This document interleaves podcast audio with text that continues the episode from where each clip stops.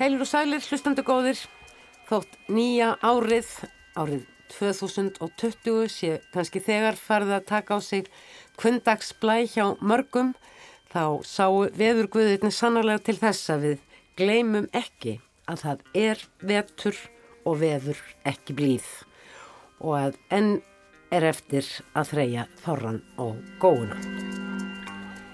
Nýjar bækur eru þó vissilega teknar að sitra fram ein og ein svona til að byrja með en þótt fátt sé minna áhugavert en snjórin frá liðinu ári þá eru bækur síðasta árs Guðsilof en ljóslífandi í hugum okkar flestra.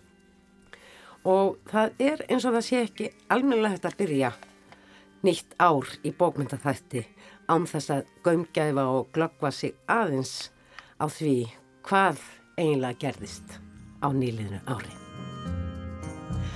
Af þessum sögum verður þátturinn orðin bækur með svolítið óheðbundnist niði af þessu sinni því þættinum verður bara og einvörðungu rætt um bækur nýliðins árs og þær voru sannlega margar. Liklega aldrei komið út jafn margar nýjar íslenskar skáldsögur og smásögur eða nýjar íslenskar ljóðabækur og kannski hefur meðalaldur skálda aldrei verið eins lágur. Skáldin með öðrum orðum jafn ung. Að minnstakosti sendu allmargir höfundar frá sír sínar fyrstu bækur auk þess sem konur virðast jafnvel hafa verið dugleira að senda frá sér nýjar bækur en karlar. Svo er það kannski stærsta spurningin hvaða sögur voru skaldin okkar ný og eldrið að segja okkur á liðinu ári og hverst var inni að hald ljóðana allra. Það verða með öðrum orðum höfð orð um margar, margar bækur í þætti dagsins.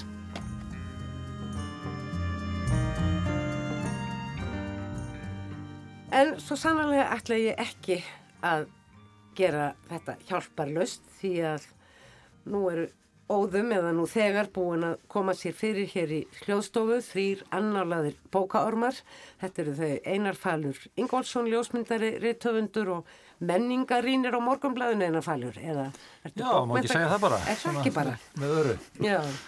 Katrín Lilja Jónsdóttir, sagfræðingur bóksali og umsjónamaður Lestrarklefans sem er afar virkur vefur þar sem fjallaður um bækur og lestur í mjög víðum skilningi.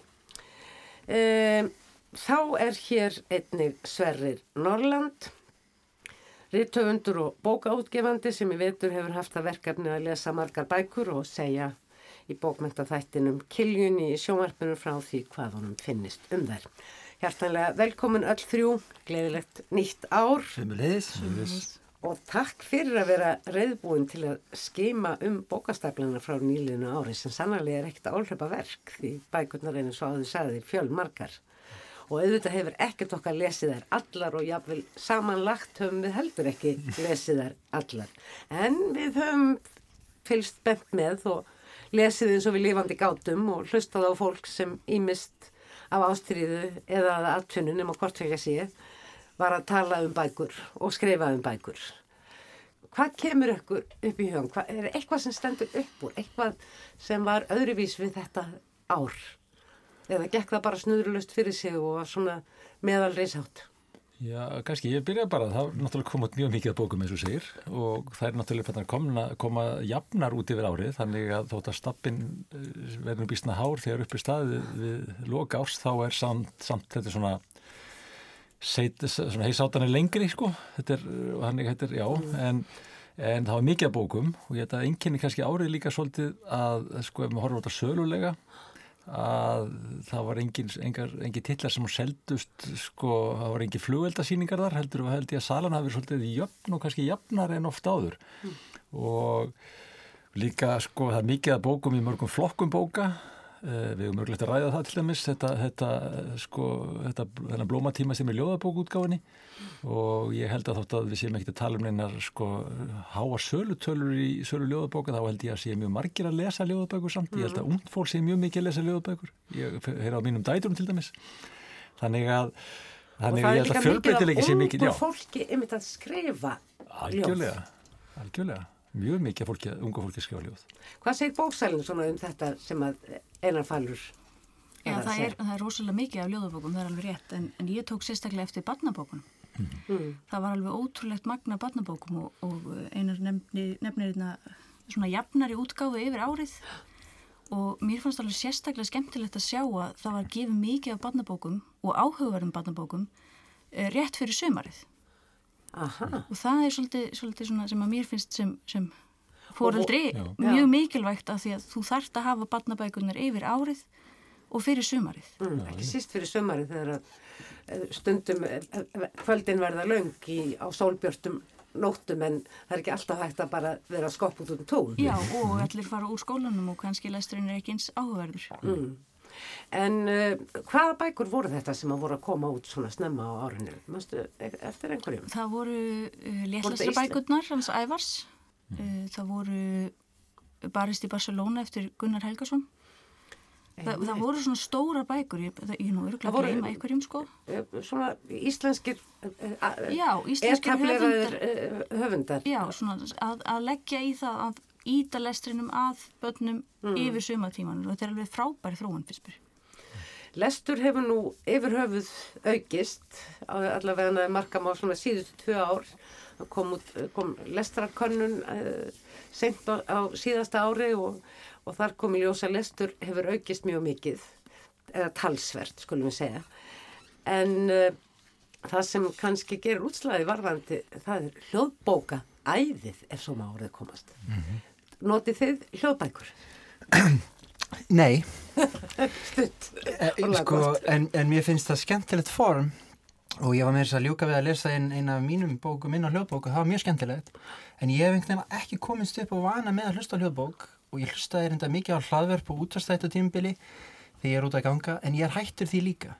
Að því að þegar ég er út að ganga ef ég fæ ekki bara að láta hugan reyka þá næ ég ekki að skrifa og fá hugmyndir og fyrir einn mér sjálfum mér þannig að ég einhvern veginn svona steikt aldrei frá þessu Svo finnst mér að mér hljóðbækur frábærar en að hlusta er ekki að lesa. Lesa er eitthvað svona aktíft sem við gerum sjálf. Þannig að mér finnst alltaf skrítið þessu slegið saman að, að lestur og hlustun fari einn, einn hatt. Þú er eins og segja sko, já ég ætla ekki að taka neinn dæmi en hins vegar það er jákvæmt að fólk sé að ég má ráða svo innbyrða fleiri Já. bækur en áður. Það er náttúrulega mjög jákvæmt. En maður finnur alveg fyrir þessu, fólk er að hlusta, hlusta mikið meira, Mjög fólk mikið. er með, með sko, og, og notfæri sér sko svona, já, nokkrar veitururunni sem eru að miðla bókundi fólks. Og brunar í gegnum heilu bókasöfnin sko með að frúta skokka og eitthvað. Já, sko, heilu höfundarverkin. Þetta er náttúrulega, það er, fólk er rosalega upptekið í dag. Það gefa sér ekki margir tíma til þess að sitja og, og lesa bók. Þannig að það, þeir nokkra innbyrði klukkutíma. ykkurja bækur þótt að því sé að hlusta á það. Það er, mér finnst þetta bara mjög jákvæð þróun. Ég heyr, heyr líka, sko, það er svolítið kynnslóða skiptið þarna líka. Ég, ég heyri þetta mínum nefndum mikið sem eru fólki kringu tvítugt að það er þess hóp hluti þeirra finnst bara einfallega miklu betra innbyrða frásögn sem er lesið fyrir það. Já, og, og þetta er, er ekki bara að tala um þá sem eru lesblindir, þetta hjálpaði þeim en, en þetta ég, ég held að við séum svolítið að fá kannski að nýjan hóp sem að lesa ekki en hlustar samt þannig að innbyrðir sögur og bækur en uh, Sverrir, hérna, þú sleppur ekki, Nei. hvað stóð upp úr? Þú varst nú að uh, gaggrina þannig að þú þurftir að, uh, eins og þið öll reyndar, að, að fylgjast með þessu öllu saman. Einstakir titlar eða þá svona meira svona Já, bara eitthvað sem, stemning Sko- til að byrja með. Sko stemningin finnst mér, mér finnst mikið af góðum bókum að koma út. Mér finnst mikið af bókum sem ég sko nautist að lesa og en að því sögðu kannski ekki neitt ótrúleitt mistaraverk. En það Mm. eru samt nokkra bækur sem, sem svona sitt í mér. Það er náttúrulega um tíman og vatni eftir andra snæ. Mér finnst það ótrúlega faglega unnin bók og skrítið að hún hafi ekki verið tilnæmt til íslensku bókundavæluna. Maður Já, bara gerði ráð fyrir því að hún væri tilnæmt Já, Algjörlega uh, og svo má náttúrulega alveg nýta í einhver einstök atriðin en það er mjög merkileg bók uh, önnur er náttúrulega Svínsögu eftir Bergþóri Snæbjörnsdóttur. Mér fannst hún virkilega eftirminnilega sterk. Já, skáldsaga. fyrsta skáldsaga höfundar sem Já. hefur gefið uh, sendt frá sér eina ljóðabók. Flórida í, Akkurat. var ekki í fyrra frekarni? Nei, hann og lengra síðan. Og, hún, og svo aðra Dalundagar ljóðabók sem kom út fyrir Já. bara talsvægt lengur síðan. Svo bók var mjög sterk og eftirminnileg. Svo fannst mér önnur daldið fín sem sendi mig aftur í tíma í hennar höfundaverk sem ég hafði aldrei lesið, Ragnar Sigurðardóttir, Vetragulrætur. Og ég er núna að lesa hefur fullkomna landslæg eftir hana, gamla skáldsögu. Mér finnst hún, hún er svona, minni mig á aðeins á auðu öfu, hún er agaðri ekki eins leiklöð. Það var daldið svona happafundur. Það var kannski uh, bókin sem kom kannski á óvart. Já, eina, fyrir mér eina bókum ásins tvímanalust. Mm. Ég hef nú lesið alla bækur og fylgst með þennan ferli og hérna mér fannst hún algjörlega, hún blómstraði þessari bók, alveg ótrúlega vel skrifaða smásugur og agaðar en líka mjög bara áhrifaríkar. Helstætt bók. Hvaða bók er þér svona eftirminnilegust? Það eru svo margar í raun og veru. Þú lest, uh, lest mikið sem, sem bóksali og þú ert náttúrulega líka að skrifa um bækur á Jú, jú, lestar- jú, það passar. klefanum. Ég hef aðalega verið að einbytta mér af barna og úlingabókunum og af, af sko, úlingabókunum standa upp úr villu eigjar. Það var alveg bara mjög vel skrifið bók með frábærum sögutræði. Ég er mjög mikið fyrir fantasíu sögurnar eða fyrðusögurnar. Önnur bók sem mætti fallin í svona ungmennaflokk en er nú bara fyrir alla er Norðnin eftir Hildi Knúts. Já, Mér fannst hún líka alveg merkilega auðug, stór söguheimur Mhm. og alveg bara kom svo skemmtilega óvart hvað hún var, er bara framhúsgarandi. Já, og uh, ég rætti nú við Hildi Knúts í uh, fyrir áramótin og uh, var að spyrja hana út í markhópin í þessari bók því að sko, aðal söguhetjan er rúmlega tvítug og þegar að um börn og ungmennir að ræða þá lesa þau oft svona aðeins upp fyrir sig með að við aldur aðal personu og hver ætti þá að lesa þessa bók? Eða svona hver var markkópurinn og þá sagði hann ég að þetta hefði alveg eins geta orðið fullorðansbók ef ég hefði ekki bara fengið þessa hugmynd sem hluta af þessum þríleiks sem að byrjaði með ljóninu og er núna komið nornin og kemur vantilega skápurinn á næsta ári. það hlýtur að vera. Önnur bók sem er svona í svipuðu þema og nortnið, það er náttúrulega fjallaverksmiða Íslands. Þar Já. eru ungmenni sem eru 19 ára, Mm. þannig að þetta er, þetta er flokkað sem úlingabók en þetta er alveg frábær bók. Fannst þér hún ekkert uh, svona svolítið, uh, hvað ég segja, svona uppalandi? Þetta er Uppalandi, náttúrulega þessar bækur sem við erum að minnast á, þetta eru framtíðarsögur og svona fa- falla einan loftslags bókmenta, já, já. Mér fannst einmitt áhugavert hvað var mikið af loftslags bókmentum í barnabókaflokkunum. Já, það var mjög mikið, það er alveg Þetta er svolítið svona, þetta, þetta er náttúrulega það sem liggur á fólki og þetta er það sem að börnin þurfa að hugsa um, þetta er þeirra framtíð. En hvort hún hafi verið uppalandi, jú, ef til vill, en um, ég, það, það ángraði mig ekki, sko. En þarna voru náttúrulega líka samskiptameilar mjög Já. uh, og áhrifavaldar svo kallaðir Kannski orð líka- sem ég vil nú helst ekki ta taka í munn um þetta fyrirbæri En því áhrifavaldar eru fallegt orð. En var þetta ekki líka bara inspirerandi eða þú veist, hún er uppalandi en hún er líka að reyna að blása kannski yngri lesendum einhvern svona anda í brjóst. Já. Já, en að samaskapi kýlur hún það svo niður líka. Já. Mm. En hún er með flinkur höfundur. Já, hún er ótrúlega, Já. ég, mæla allan með þessi bók. Já. En uh, svo uh, voru þarna við Hliðbergþóru er eiginmaður hennar, uh, hvað heitir hann? Bragi Páll með Östur og svo var annar með, ég held að þetta hafi verið fyrsta bók hans, rétt eins og Dóra DNA, uh, hann skrifaði þarna skáldsögu sem heitir Kokkáll, þar, vor, þar var kallmennskan svolítið tekin í gegn í báðum þessum bókum, kann, lásiði þessar bækur? Ég á það er eftir. Já. Ég er búin að lesa Austur eftir Braga og ég var bú- búin með 50 í Dóra einhverstar en svo var einhver sem tók hana frá mér. Já, það vil gerast þegar eru eh, margar bækur á sveimi. Já, mér fannst Austur mjög skemmtilega. Mér fannst alltaf áhverð að tvær svona eftirminnustu skáldsöðna kemur það sama heimilinu. þarna.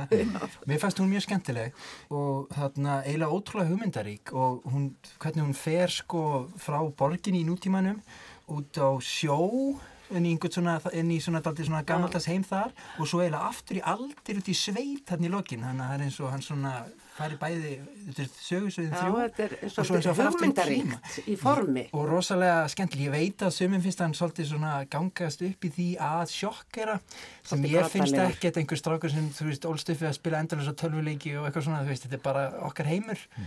En uh, mjög, ég lakka til að sjá næstu bók eftir hann Dóra bókin, hún byrjaði mjög vel.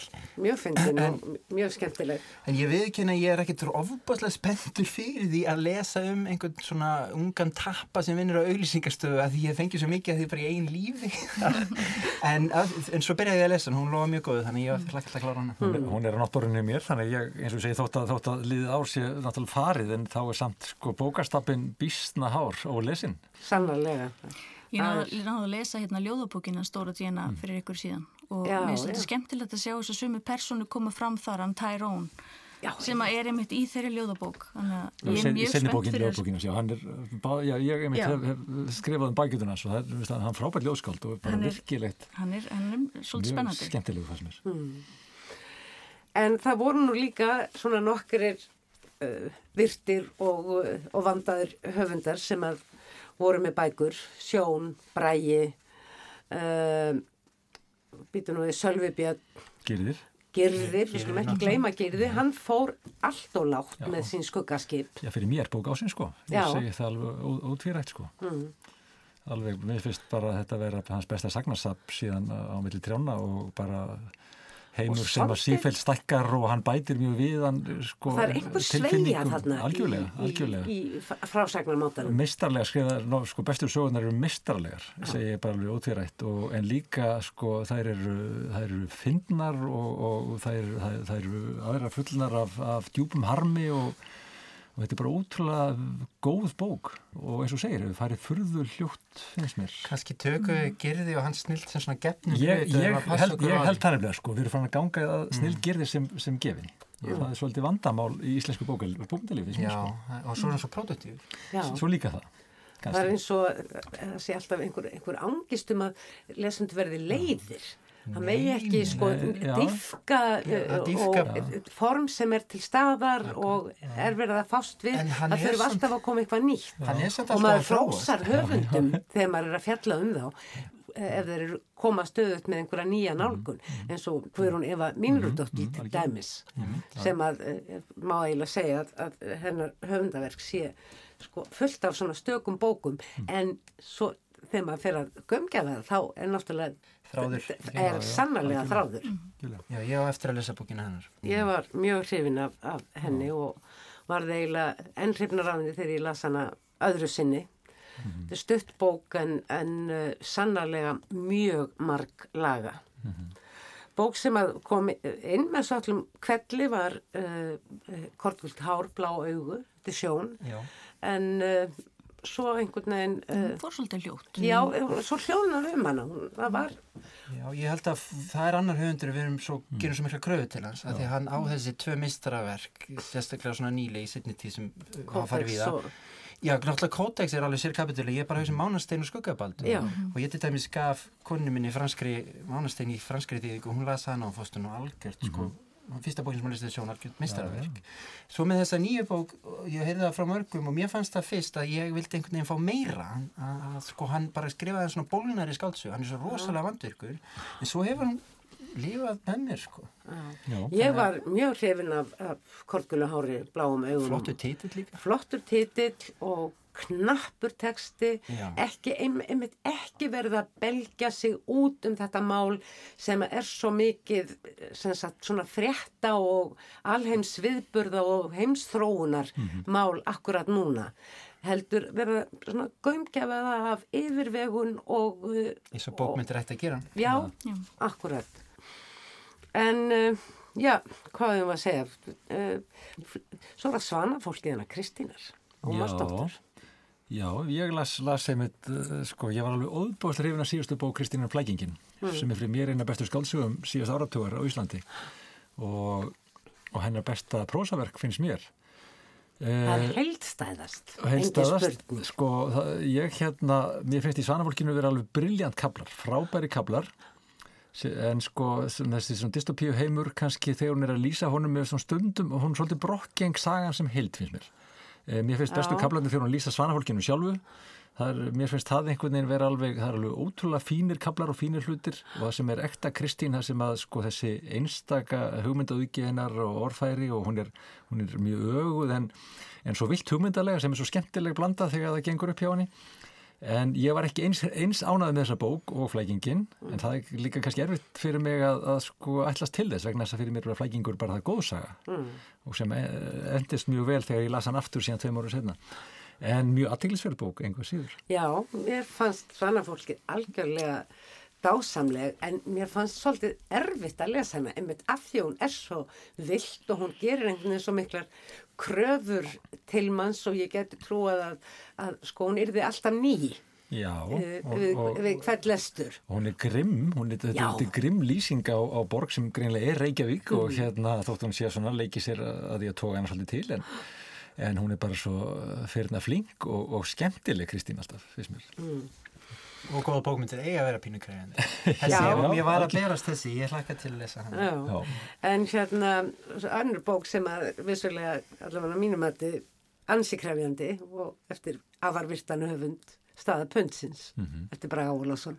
Já, ég, aftur, ég bara ég segi strax, aftur, aftur, ég, ekstra- ég segi strax að aftur eina mínum uppbólusögum bókum ásins sko. Já, staða pundsins. Já, mér í ofsalega fínni söflu þarna. Já, Já, mér fannst það líka.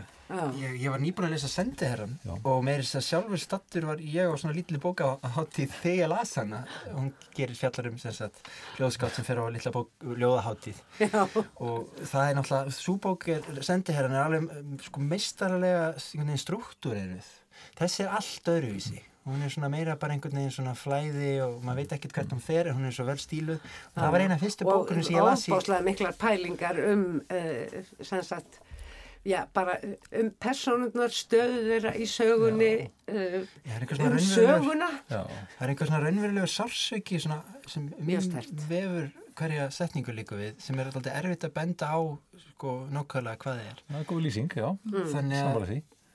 Þannig að mér finnst hún, það er önnur svona bók eins og kannski bókin Jón Sjó Sjón sem sko lætur lítið yfir sér en lifir og, og bara heldur áfram að lesa held ég. Mm. Það er líka, líka þessa bók Braga sem mér finnst hún taka svo vel eftir svolítið, eftir svolítið flæk, svona flókin og erfiðan ingang sem er örfá blasjur reyndara sem að reyndir, reyndir svona að leiku sér svolítið að því að gera okkur erfitt fyrir Já, að staðsetja personur og einhvern veginn en svo dettu inn í ákveðu tímabilðarna sem er, og hvernig hann leikur sér líka því að draga upp mynd af tíma sko, eins og bara hvernig hann nota til dæmis tónlist og vís, vísanir í plötu umslug og, og, og bara vísanir í fjölmiðla þessa tíma þetta er og, Það þarf oft ekki atburðir eitt orð. það þarf opbáslega lítið.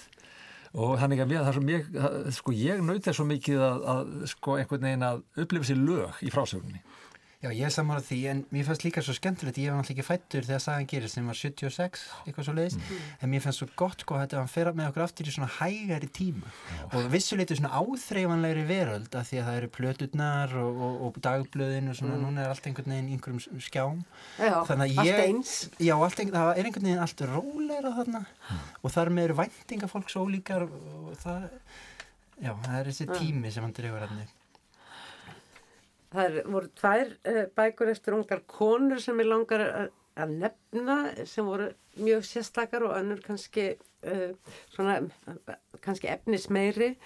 Og þar er ég að vísa til Hunangsveiði eftir Sofíu Bjarnandóttur og hinn bókin er lítil og eftir skáldkonu sem að þóttu nú mjög eh, efnileg á sínum tíma Þórdís Þúfa uh, Solmundur sem að mjög kom út snemma í flóðinu og, og hérna mjög sérstök uh, lítil bók sem að var, var gaman að lesa.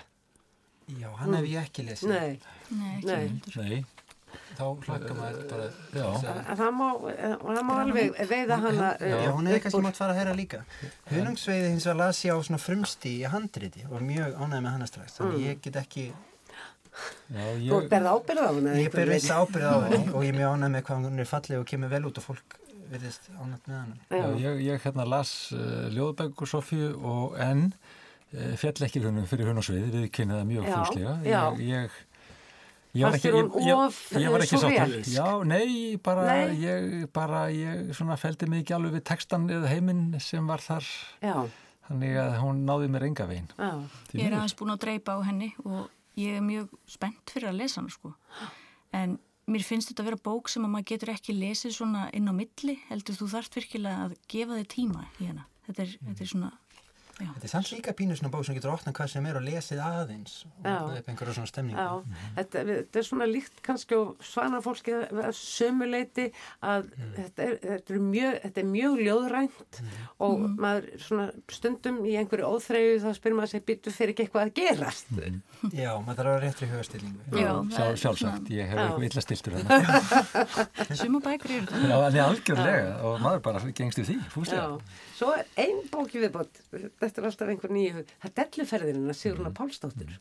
Hún náðu nú bara dallu flugi svona Það á höflum. Já, ég hef heyrt að hún sé mjög skemmtileg. Já, hann eftir líka. Ég, það er, Já, ég og hann eftir nefnilega, ég sko hlakka til að lesa hana, ég er eins og Sverri, við erum báði búið í New York og hérna, og en, svo endaði ég tók eintæki mitt og sendi hana til frengum mínar í New York, þannig ég sem sagt tapaði mínu eintæki en þar með ná, ná mér í hann aftur og hlakka til að lesa. Já, akkurat. Ég skal viðurkenna að ég hef heldur ekki lesið delluferðir, en ég hef bara heyrt svo marga hafa skemmt það sér hér. við að, uh, við að uh, lesa hana.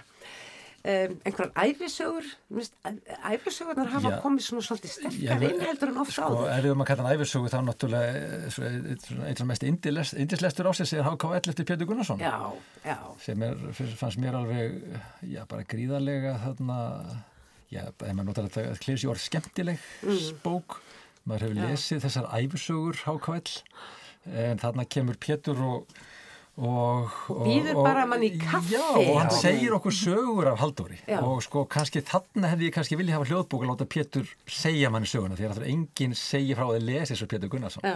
og ég heyrði reyndar ofta rödduna í höðun á mér þegar ég las en mér finnst þetta gríðarlega vel gert hjá hann og þetta er svo notalegt í kjölfar og Þorbergsbókunum sem er í miklu uppáhaldi hjá mér hvernig hann sko segir okkur þessa sögu og, og, og dregur líka upp þessa mynd af Halldóri sem sko lostafullum úlingi já, sem, og já, sko nákvæmlega en ekki, ekki Nobelskáldinu og, og það er svo og, og líka ekki bara lostafullum unglingi heldur líka sko bara svolítið nast í náunga. Já, og, svona, fer- og, já. svolítið, svolítið vel mótsagnakendur. Já, og bara hvernig hann fer með þessar konur sko, ég minn það sem, hann, það sem hann er sko hjá, hjá býr hjá hjókunar hjókunarkonun í Kaliforníu sem heldur honum uppi hreinlega og hann er með tvær aðrar í takinu á sama tíma og allir, allar halda hans í skotin í sér og hann er að senda þeim ástabrjöf og, og þetta er bara svolítið, já, sumis hafa sagt sem eftir að lesa bókina sko, var hann siðlaus sko, en ég menn hann kemur ekki vel út úr þessu.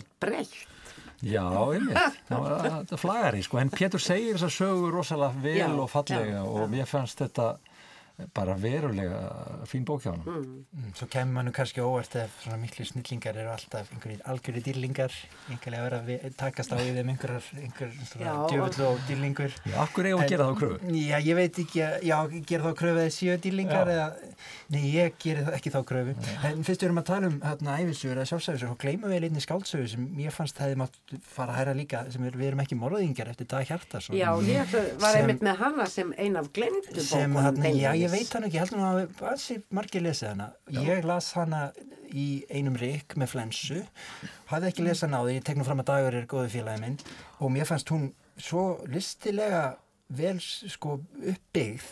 Ég, ég skila ef kannski finnst einhverjum personunar aðeins fráhrindandi en það kemur ekki neittni sög mér finnst hún bara sko, sem smíðisgripur og sem spennandi frásög Hún er ekki stór. Nei, en hún, hún, er, hún, hún snertir á í ansi mörgu Mm. í samtímanum sem kannski er ekki auðvelt að fjallum og, En hún fjallar um skáldskapin og og, og fræðina. karlmennskuna og svo, um svo er þessi fallega spurning í kjarnanum sem ég fannst kannski ekki hefði ræða, draga betur fram í dagsljósi sem er sko, þarna er einhver svona ást og raunin daldi hrein ást en svo kemur eitthvað upp á yfirborðið og þá er ekki lengur hægt að samþykja þessa ást Mm. út af einhverju ytri byrtingamind og svona kröfum ég ætla ekki að Já, ljóstra upp um hvað það er nákvæmlega og mér finnst sá kjarni virkilega flottur og sterkur Þetta er mjög fín bók, ég tek undir það, virkilega, og flottur höfundur, að Já, hún nefnilega fór eh, einhvern veginn, Já. eh, fór ofan, ofan í kaff. Já. Fólk og eftir, eftir uppkvötuna.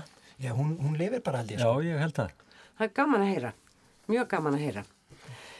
Hérna, já, er einhver svona, einhver niðurstað, vorum við ánað með tilnefningar, velunaveitingar þar sem að er, nú er bara í næstu viku sem að Íslensku bókmyndavelun verða aðfemt. Já, Þú nú þegar nefnt það, það átt að Það tilnefna andra andra snæði. snæði en það já. bara skrítið Já, fyrst. það er mjög skrítið. Ég, ég hef nú setið ofta í eitthvað svona nefndum og ég hugsa að hvort þessi samræði með það, þessi samræðin hafa komið. Já, hann er búin að fá öll velun einn, í- einn höfunda, sko. Hann, hann, Já. hann máli farið til hliðar. Ég ímyndaði það þegar ég heyrði þetta. Ég, Já. er ekki. ekki á þessari Ég, ég er að meina það sko. Já, ég, Ég, maður veit svolítið, en það er bara, það er samt fáránlegt. við, sko. Já, og svo kannski hérna, ef við hugsum um uh, þessa, þetta mikla magn ljóðabóka, það er samt ekki nema ein ljóðabók sem er tilnæmt Já. og við kannski einmitt á þessari stundu brjótum aðeins upp og leifum okkur að hlusta á eitt ljóð einmitt úr dimmumótum. Steinin Sigurðardóttir uh, les uh, Sjónarsviftir 1. Sjónasviftir eitt. Hvíta gullfjallið ofar öllu. Ljós landsins. Það fer og skuggarnir verða. Sjónarsvift erum við á Íslands eigunni. Við í heiminum. Á förum frá okkur, frá sjálfum sér sjálfum, það glemtist að hann er úr vatni gerður, að hann leysist upp í það og flæðir yfir veg allrar veraldar, ekki í hemdarskinni, það er bara engin önnur leið en þessi sem við hröktum hann á. Við misindismenn við óvitar, sem köllum okkur þó homo sapiens, og Stephen Hawking sendi þau skilaboð úr fangelsi líkamanns að við getum ólíkt dýrónum, náð utanum alheimin. Við vitiborðnu skiljum þá hamfara hlínun á jörðinni, en við látum ósköpin yfir ganga, börnin og barnabörnin, krútin á Facebook.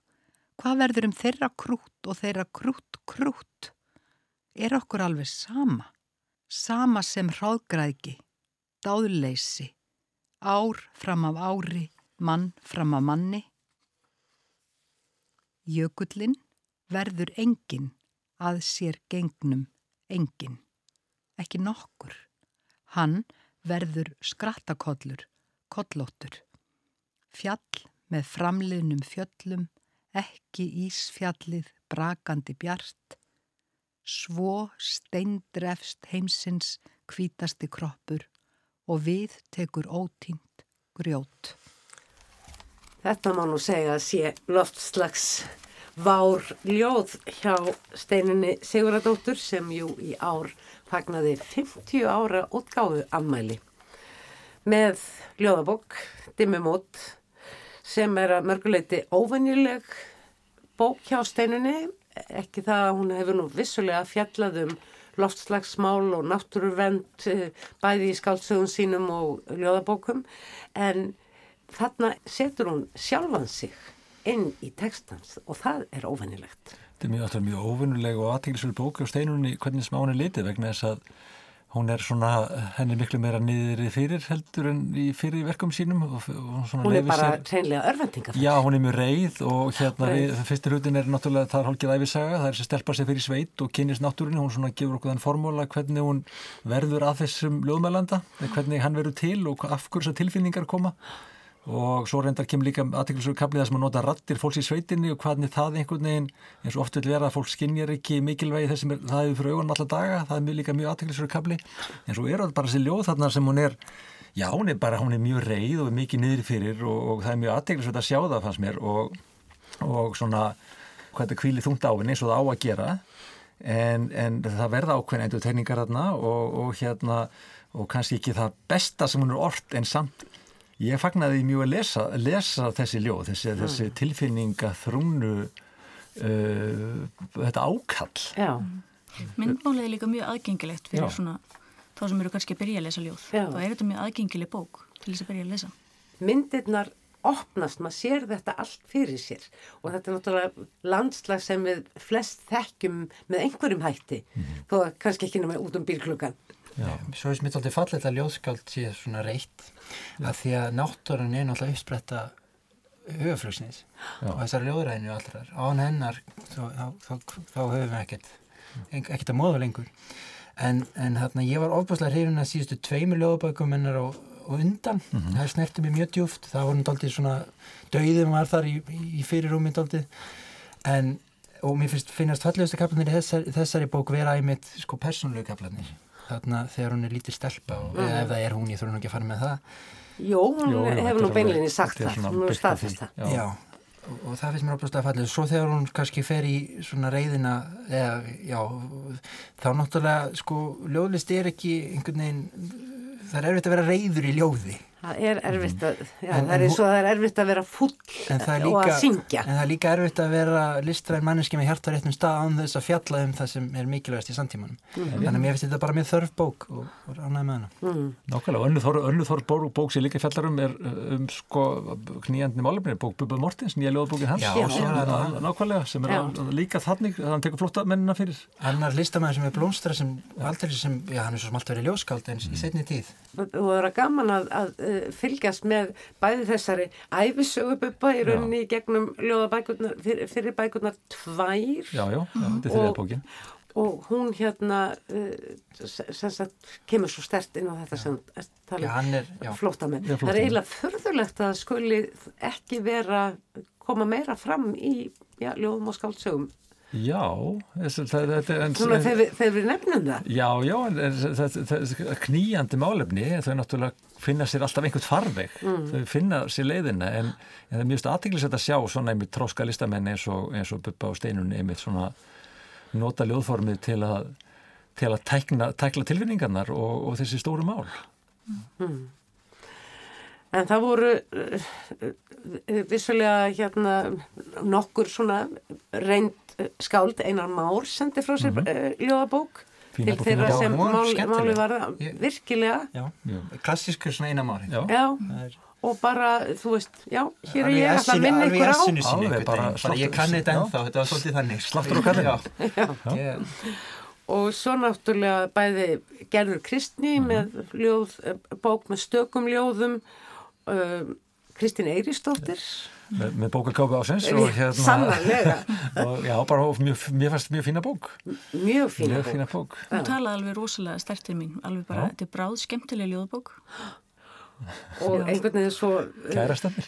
já, hún er svo Hún dregur upp svolítið skemmtilega myndir af þessum kæristum, þessum, þessum strákum og, og öllum þessum samböndum. Þetta er, þetta er alveg bráð skemmtileg ljóðbók. já, Já, það er svona fín þessi tónn í henni einhvern veginn. Þetta Já, er svona... þessi húmor. Þessi húmor. mér fannst líka svo einhvern veginn þegar, já, Kristín Eiristóttir er húmoristi Já, já. Eh, Þér, og hún er það líki í öðrum bókum sínum en það er það, kannski ekki það sem við hefur, eh, fyrsta lýs, lýsingar orðið sem við dettur í hug. Nei, það er, en, samt svona, dulinn sársöki náttúrulega því að þeir, þetta er alltaf fyrirverandi kæristar þannig að það er dulinn sársöki í þessu líka. það er alltaf einhver treyji Já, þannig að en svo voru hérna margar ungar konur og fáinir ungir menn með svona fyrstu bækur það var bara alveg handfylli já, og bara margt mjög áhugavert. Já. Ég nefndi til dæmis okförum með Brynju. Já. sem ég virkilega naut þess að lesa. og hún, hún náði virkilega máli, ég heldur hún hafa bara nánast selst upp, ég segi ekki að, að ljóðabækur séu prentaðar í, í mjög stórum upplögum en En ég sá að þið bóksala voru hrifnir eh, af kollega ykkar, hún er bóksali Jú, líka já. og var bara valið besta víst. ljóðabókin af bóksölum, þannig að þarna Mm. fekk bóksala velunin, var það ekki? Var það ekki? jú, jú, Jú, og uh, var hún ekki tilnend til uh, Fjöru- fjöruverðlauna, jú. Já, akkurat Já. og uh, mér finnst það eiga svona það er eiga eitthvað sameinlegt hún og, uh, og Fríða Ísberg Já. svona í tematík um hvað það er að fjalla það eru svona Já, daldið að líti yfir sitt stelpu líf Já, einmitt, sem var önnur mjög fín, fín ljóðabók, finnst mér.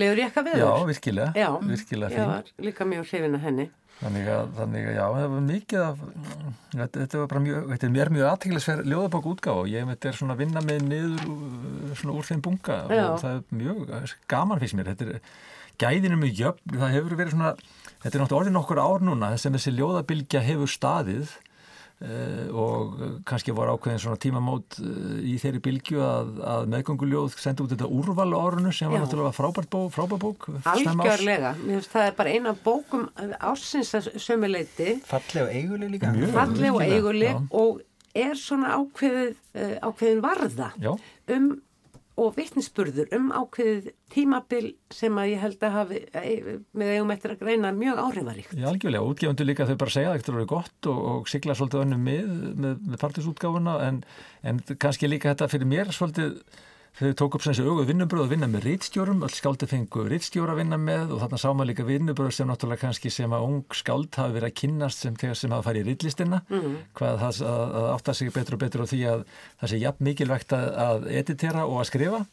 og maður er svolítið að sjá, sjá það eh, sko skila sér fyrst mér. Já. Hvað finnst ykkur með þetta? Jú, alls ekki spurning sko. Ég er náttúrulega saman að því. Ég, hérna, það er svo misjant hvernig fólk skrifar. Ég skrifa svo mikið sjálfur að það er mjög nöðsynlegt fyrir mig að fá einhvern til að fara yfir það fyrir mig. Já, Og, hérna, og svo get, getur þau, sko, það að skrifa er eitt en svo þessi hæfileiki að, að vinsa út og sjá sjá sko hvað glítrar í einhverjum texta, það er svo sérstætt ég, ég veit nú um einn mann sem kendi í háskólanum pressu sem minning hans Sigurður Pálsson. Hann hafði áhrif á sko nokkrar sagt, mjög árganga mjög djúbstæð áhrif, ég gæti á tugi ungra höfunda. Já. og hann var einmitt aldrei svona í þessu sko að, að, að vinna eitthvað og leifa því að liggja og vinna því lengur og, sko, og, og skoða frá ýmsum sjónarhól, á ýmsum sjónarhólum.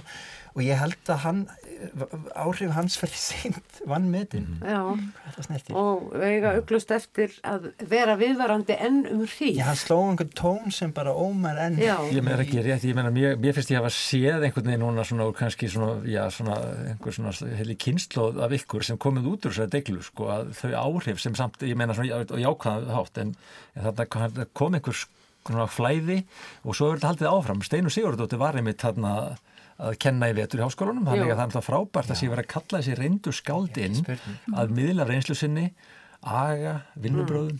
og það sem til dæmis Sigurði gerði hann, hann mótaði ekki sko einhver efnistöku eða stílið hann eitt þannig, hann virkjaði eitthvað Nei, já, hann er- einhvern veginn kendi aðferðir Kenndi sem þú gast beitt eða, eða ekki. Já, Svo líka gaman að sjá það sem er að koma út úr rítlistinni núna. Þau eru að gefa út nefnendur bækur eins og það er alltaf eitthvað Já, sem, Já. og svo hafa verið ykkur ljóðabækur, er það ekki?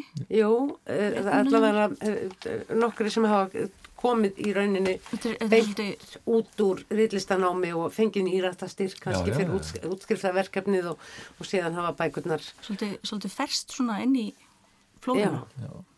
en þetta er ansi, ansi margir höfundar til viðbótar við þá sem við nefndum, þá eru þarna líka nokkri sem að ekki held ég fór í gegnum reillistina eins og Ástafannei með ljóðabók sína Eilvíðanón, hún er nú svona all around uh, listamaður, mentuð í Já. myndlist, stundar líka eh, tónlist hún er og náttúrulega svona flytjandi Já, svona svona leið, sko. já. ég á þá bók og, og er að lesa hana bara í rónæði, ég er ekki búin að þú veist, kafa í hana Já, það er finnst- mjög falleg bók Já, mjög falli bók en mér finnst eins og hún sko, jafnvel, enn sem komið er ég hef nú heyrt Ástufanni flytja sjálf þessi ljóð og þau eru ennþá best þannig Já, maður svona vill helst kannski ringi hann og fá hann að gigi kaffi og lesta fyrir maður en, og, en svo eru margir aðri Sigurlín Bjarni gátt undrarýmið þarna, Mjög falleg bók fyrir á þessu ári. já, og svo ein komu- bara uh, fallegasta ljóðabókin og svo er önnur þarna eftir hann Þórð Sævar sem hefur verið að þýða Brátikan. Vellankatla, frábært titill Mjög og góð bók. Já, Já. mjög, mjög myndvís og knöpp Mm. Og, og, og svo er nú einn enn að maður getur talið sko Brynjól, Brynjól Þorsteinsson. Þetta er í bílastæði, annar bóksali. Já, en það er eitthvað svona og, og þetta er allt sko sk- það er, það er svona, svona lúmsk bók eh, Já, hann er svona húmoristi. hann er humoristi en svo Þetta er líka frábær titill talandi um lofslags þarna umræðina þetta er ekki bílastæði. Sko, og bara jörðin er ekki bílastæði. En maður hefur stundum á tilfinninguna að hún sé bílastæði en, en sérstætt, ég ætla að kafa eitthvað sérstaklega einstaklega titla þarna þetta er bara svo, það er svo margt og allt er spennandi og, og það ólíkan hátt Og svo, og, og svo er uh, sjálfsagt að minnast líka á það, svo erum við líka ennþá að fá mikilvæga þýðingar sko, það er svo mikilvægt að fá ljóða þýðingar Já, líka. akkurat. Maður fagnar alltaf þegar, þegar eins og reyndu skáldin leggjast í að þýða. Við getum talað um sko menn að vera Sigurður Pálsson var nú Sigurður Pálsson, uh, Jón Kalman Girðir, Óskar Átni, þessi skáld hafa verið að senda frá sér söfljóð þýðingar sem eru ofta að vinna svo við langan tíma. Svo fáum við þessar bókina hans Guðbergs núna Pessoa Já, sem að þarna ég er reynd að lesa núna ég er svona er að lesa þennan fína ingangans og þetta er náttúrulega bara ofsalega mikilvægt eða er út af bókina.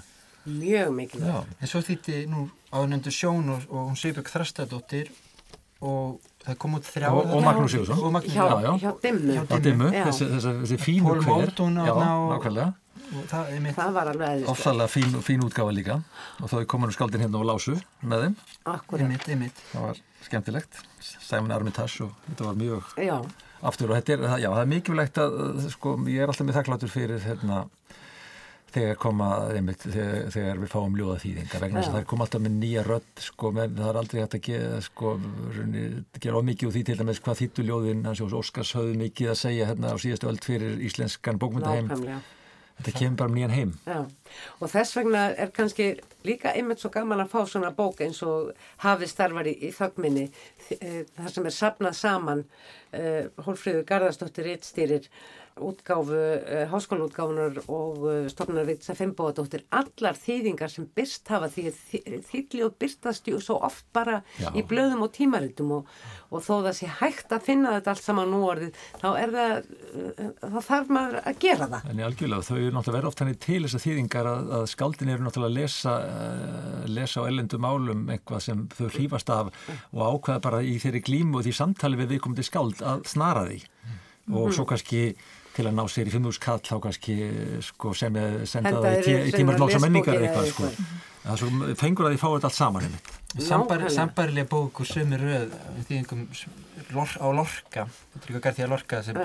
kom út fyrir mörgum árum hún hafði mikil áhrif á mig þegar ég var Já. örugglega bara unglingur ennþá og svo kom út Borges svona sapn allt Já. sama sko samka saman svona eitt þetta stað er, er, er, er svona þjóðþrifa verk Já, svolítið. mikilvægt. eins og smásögur heimsins Já, líka já, Já, nákvæmlega. ég gæti ekki annað, eh, tók hana með hérna inn vegna þess að mér finnst þetta svo flott framtak, Þetta er sérstaklega um þessa að fá líka frá framandi þessum- heima. Já, ég las hérna afrísku bókina frá Angustúru. Já, já, Já, já, já, svo er hérna, það þær bækur. Þetta er náttúrulega vikar svo rosalega út heimin hjá manni að Já. lesa frá svona allt öðrum menningarheimum og ég Já. bara, ég lakka til að dýfa mér í þessa smásögur heimsins. En já, það er líka þáttið held ég að baki hjá Angustúri er einmitt að þýða bækur úr sko bara heimsálum sem við erum ekki yfirleitt Já, svona aðeins ferja framandi umhverfi og bækur sem annars hefði ekki ratað. Þetta er mjög merkileg og falleg lítil seria. lítil meina ég bækurnar eru ekki, ekki stórar í sniðum, þó þessi varga þykkar. Já, það. En það er svona, já, um það er uh, sjálfsagt að minnast einmitt á þá góðu þýðingaröð sem Angustúra er með á þessum heimsbókmyndum Mm. og oft uh, sem er gætnari þýttar úr öðrum málum en einsku og uh, ég bara framúskarandi bækur sem er að koma þarna. Ég hef búin að lesa þær held ég flestar og, og uh, bara, já, bara mjög, mjög vandaður og fína bækur. Bæði útlitslega og þýðingi náttúrulega alveg bara rosalega góð. Já, Glæpið við fæðingu eftir Trevor Noah ég las þannig jólinn, Já. algjör bara stórkvæslega skemmtilega sko Já. og vel þýtt heldur nú bókmyndahátti, þá verður nú stundum svolítið skurkur í þýðingum á öðru heldur en bara glæpasögum uh, og það var reyndar líka núna, við fengum þarna eftir tyrkneskan höfund og mjög aðtilsverða bóka mitt. mjög, mjög og, og, og fleiri bækur. Fylgdust þið með bókmyndaháttið? Sverri, fylgdust þú með Sko, bókmyndaháttið? ég var, að ég landinu? ég var stattur í Japan og ég var aðalega að slíta radísur upp úr mold og kartöflur og eitthvað klukkan fjögur fimm á mótnidags Ok. í japansku minni Já. mínu sem er bondi já. þannig ég, nei, þetta fór fræðið mér í þetta skiti, ég vissi náttúrulega. Já, ég fylgdist aðeins með úr fjarlægð og, og náði að lesa hérna Blá eftir Mæju Lundi Já, það sem er alveg, alveg stórkostlega bók og ég vona að það verið þýttar fleiri bækur Mér af þessum leiðinni. bókmyndum hennar. ég hérna, las hana reynda síðan setna, frábær en kom ekki út barnabók Eftir Mæju Lundi. já, er hún ekki komin út ég held að það ég standi til að Snjósistrin, jú. já, jú. Hún er mitt kom út líka alveg í gullfallegri útgáfi, alveg myndirnar eru frábærar sko. Það uh, var nú svolítið, þú uh, varst með nýtt bókaforlag, AM forlag já. AM forlag sem gefur út þínar eigin bækur og uh, barnabækur. Já, og, og kannski hægt og bítandi í framtíðinni ekki bara bækur sem ég hef hann okkur þýttið að skrifa. Það er nú duglegur, ég skýti inn til þetta, ég held að ég hef skrifað sko fyrir rúmi ári sko fimm bókadóma um bækur eftir Sverri Norland. Það er ekki rétt hjá mér. Jú, það er, Fimm ólíka bækur. já. Hann ráðnar svolítið. Nei, ég er hann ekki neitt. Þannig að, nei, maður bara er einhver ástyrjað fyrir einhverju, þá, þá er það bara svona. Já, Og núna var það sem sagt þýtti ég þrjár bækur, allar eftir sama höfundin, sem hefur verið mér sko, staðið mér næri lengi hann heitir Tómi Ungarer, fættist í Alsas var þísku og franskumælandi og ennskumælandi síðan. Og þessar bækur og, sem og kannski dvaldi í öllum þessum Já, löndum og ennskumælandi heima efri árum en, og, já, og flutti síðan aftur og um, hann fættist náttúrulega þarna rétt fyrir sko setni heimstyrjöldina, þetta var mjög flókin tími. En, en, en hann ótrú, var ótrúlega listamæður, skrifaði hund, annan, annað hundrað bóka og, og, og og mér finnst kannski er, er ég að reyna að fylla í svona vist skarð í íslenskri barnabóka útgáfu mm. svona myndlýstar bækur með sko svona knöppum nýttnum sögum mm. og eftirmjölnum ljóðrænum og fallega skreittar mm. því það við höfum einhvern veginn ekkert rópaslega mikið rægt að þá hef því ára náttúrulega sem dæmis Tríströvel í Fraklandi og líki bandaríkunum mm. og Japan út um allan heim sko. Ég verði nú bara að skjóta því að þetta er alveg rosalega fallega bækur og Já. ég er búin að vera að lesa það með, með börnum og þetta heitir alveg í marki á þeim líka. Gaman að heyra, ég er búin að vera að lesa fyrir börn líka og þau, það er ekki bara ég sem gleifir mér í hvert getur ég að byrja að lesa það. Og þegar við verum með svolítið svona, ímsar uppákomur svona í tengslum við bækurnar. Já, við erum svona að reyna... Og það er verið aðeins færst í aukana almennt. Já, kannski er maður, vera, maður að reyna að öfla líka eitthvað svona samfélag í hverfum í kringum bækur. Og þá er fólk að koma og föndra með okkur borða kökur, teikna, ég lesu krakkar, ungi krakkar þeir eru svo, þeir hverfa inn í eigin svona sköpunarkraft. Og, er, og, og þetta er það sem bækur eiga að gera, þetta er það sem bókabúðir eiga að gera það eru samkomistæðir og þetta er það sem að sagnalist á að gera, draga fólk saman Þetta gerði Andri Snæri fór í leikhúsi með Já. sína bók Bergur Ebbi gerði, fór líka með einhvers konar uppistandist tengslum við sína bækur en krakka mínir, tíminn er á þrótum. Já, hérna. Eitt orð. Ég held að það er rétt að byrja. Já, ég er slegin. Já, ég... Því miður, viljum við klikja út með einhverju? Ég, já, bara fyrir mitt leiti, ég, mitt, ég veist þarna, bara bókaútgafan er, er frjó, hún er skemmtileg og fólk er að gera allavega hluti og maður fagnar því. Eh, hérna, og breytin er svo mikil breytin er svo mikil og það er ekki bara stóru fórlegin það eru líka fórlegu eins og hérna, sem einstaklingar eru með ég tók nú með hérna, lítil ritt sem að þau feðginn til dæmis sem kalla sig þjár hendur Óskar Átni Óskarsson skáld og Nína dóttir hans þau eru að gefa út svona bækur í litlu upplægi bara eitt á annað hundra eintök og svona gert ó, ó, með ódýrum hætti þessi myndlistamenn og, og textahöfundar mætast. Mm. e, Flóra og Agurir er með pastelreitröðina sem er líka svona reitröð sem er gefin út bara í þarna hundra eintökum og svo og, hefur e, náttúrulega hérna unn útgáfa hús Já, já, algjörlega. Þannig að vaksið Já, ég fagnar mjög þessu sprótum allir því þeir koma svona, þar er oft uh, já, eitthvað svona skemmtileg gerjun í gangi. Þetta er einhverja starfminn og svona mesta gleðin oft, sko. oft Ég held að við séum alveg að sjá sko afrakstur af niðurgreðslinni í bókaútgáðinni núna. Já. og sérstaklega varandi barnabækunar nú bara vona ég að ungmennabækunar taki við sér á næsta ári líka. Og þar með verðum við að segja fleiri verða ekki orð um bækur að þessu sinni. Ég þakka ykkur Einar Falur Katrín Lilja og Sverri Norland kærlega fyrir skemmtilegt og lifandi spjall ykkur hlustendum þakka ég fyrir að hlusta. Tæknum að þáttarins var Úlfildur Eistinsdóttir. Verði sæl.